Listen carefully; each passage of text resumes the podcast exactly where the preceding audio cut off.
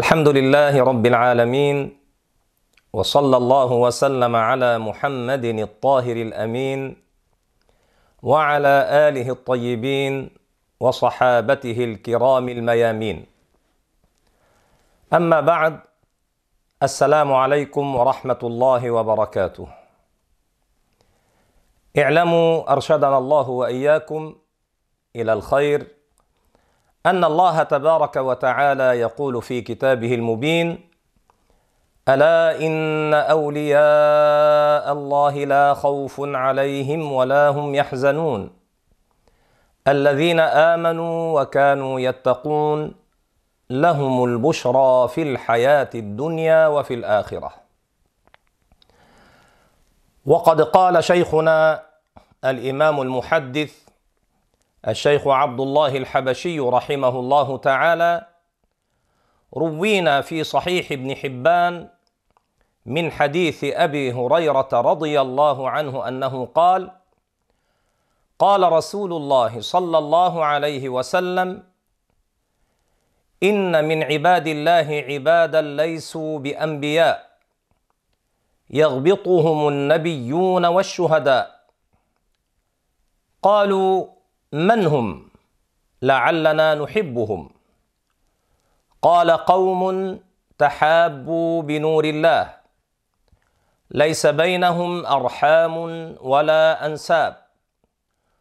وجوههم نور على منابر من نور. ثم قرأ ألا إن أولياء الله لا خوف عليهم ولا هم يحزنون.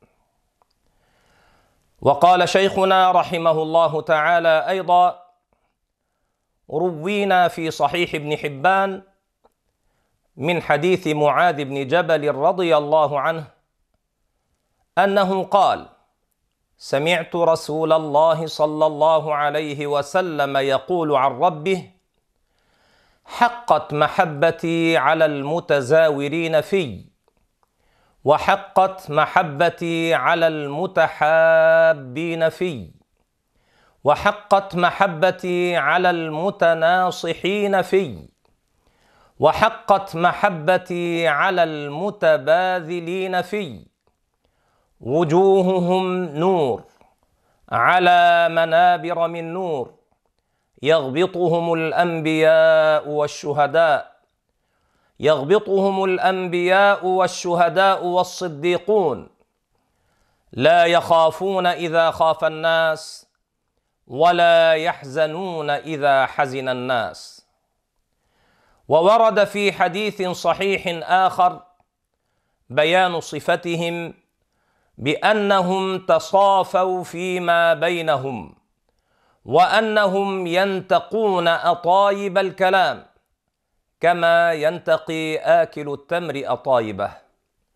هؤلاء أولياء الله تحابوا بنور الله.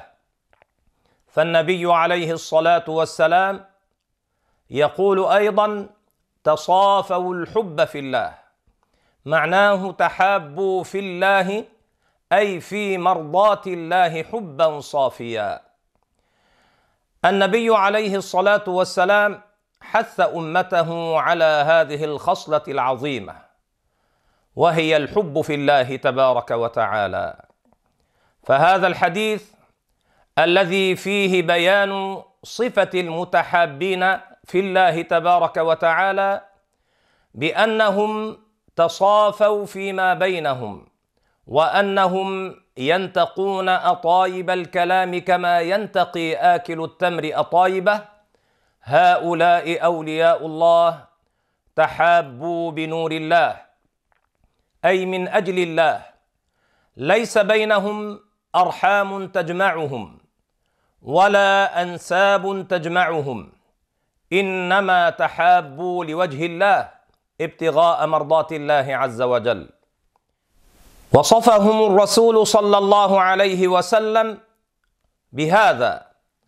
وبأنهم يختارون من الكلام أطيب الكلام أي ما فيه فائدة أي يتركون اللغو والغش والمداهنة في تحسين الباطل وتزيينه. بل يتعاملون معاملة صافية لا يخالطها غش ولا مداهنة والمداهنة تزيين الباطل لأن الجامع بينهم هو التعاون في مرضاة الله. ليس همهم التعاون للوصول إلى مطمع دنيوي ولا العصبية والعصبية معناها التعاون على الظلم لأجل القرابة أو القومية. فإن رسول الله صلى الله عليه وسلم يقول ليس منا من دعا إلى عصبية معناه لا يكون كاملا في ديننا. من دعا إلى هذه العصبية وهي كما بينا التعاون على الظلم لأجل القرابة أو القومية.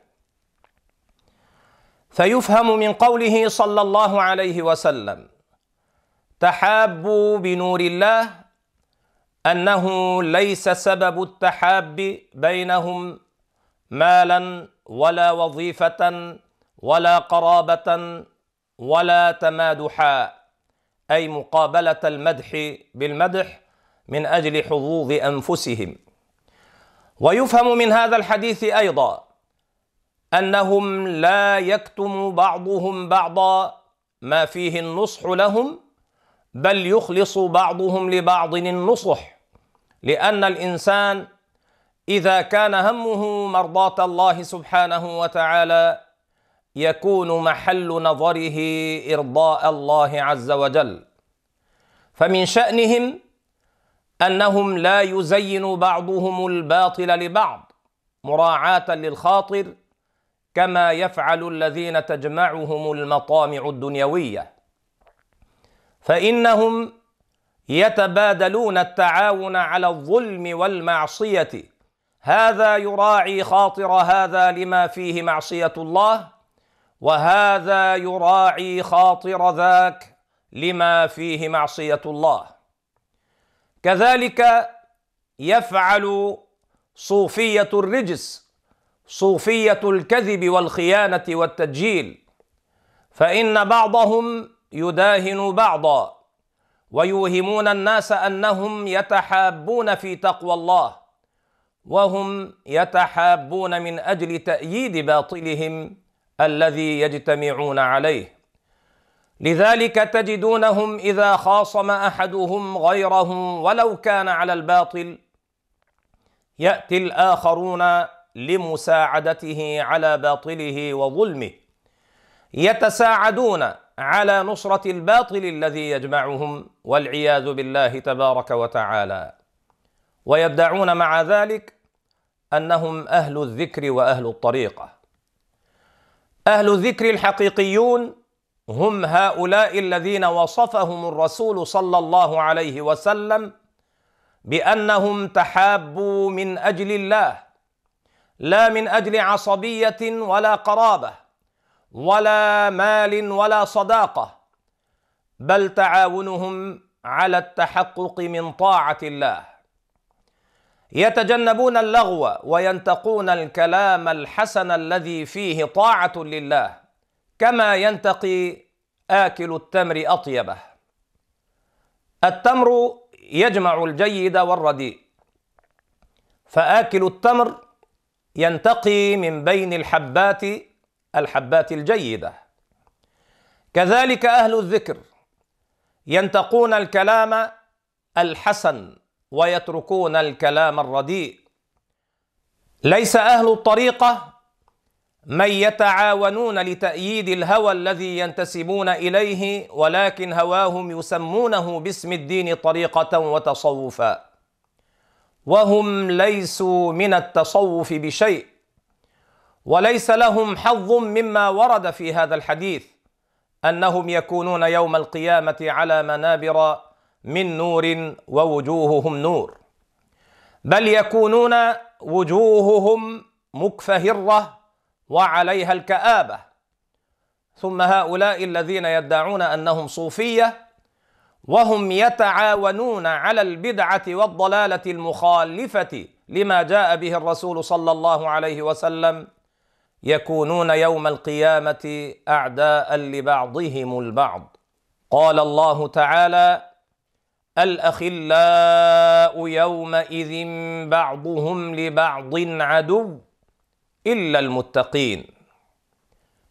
أما أولئك الذين يجتمعون على طاعة الله والله تعالى أكرمهم في الآخرة بأن جعلهم يجلسون على منابر من نور وبأن تكون وجوههم من نور ممتلئين سرورا ورضا.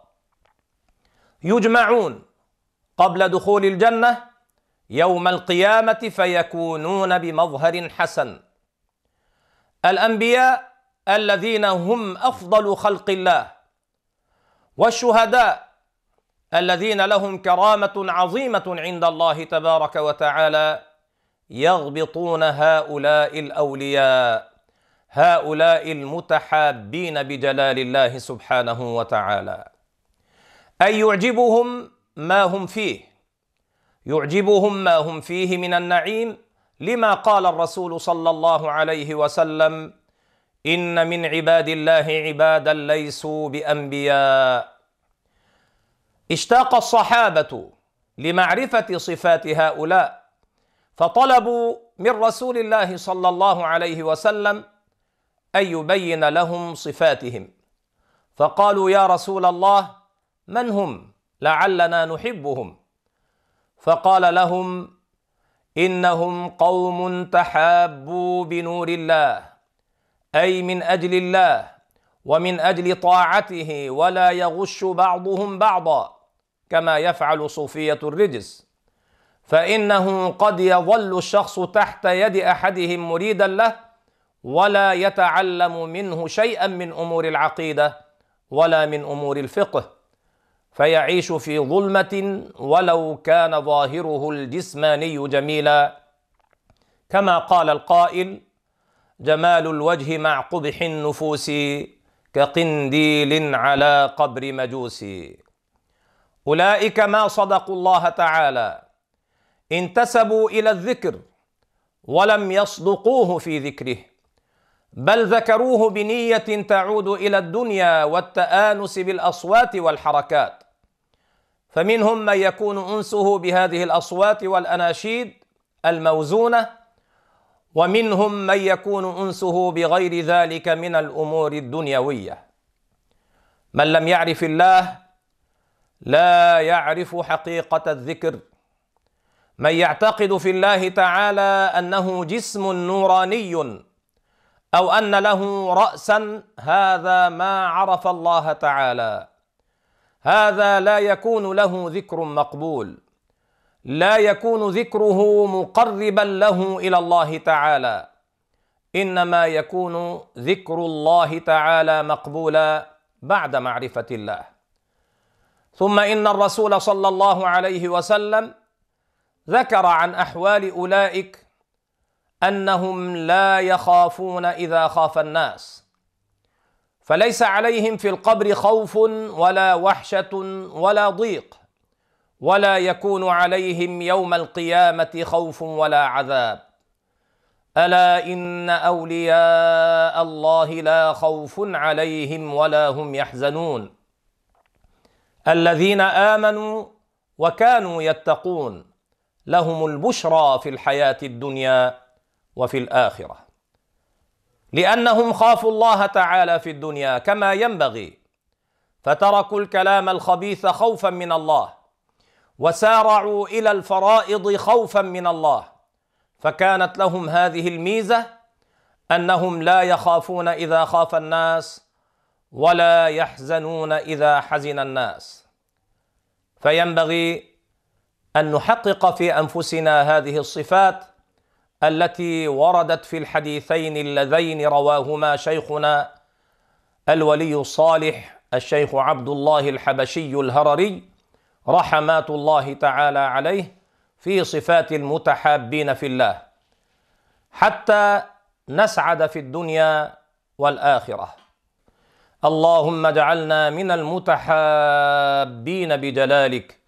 اللهم اجعلنا من المتحابين بجلالك.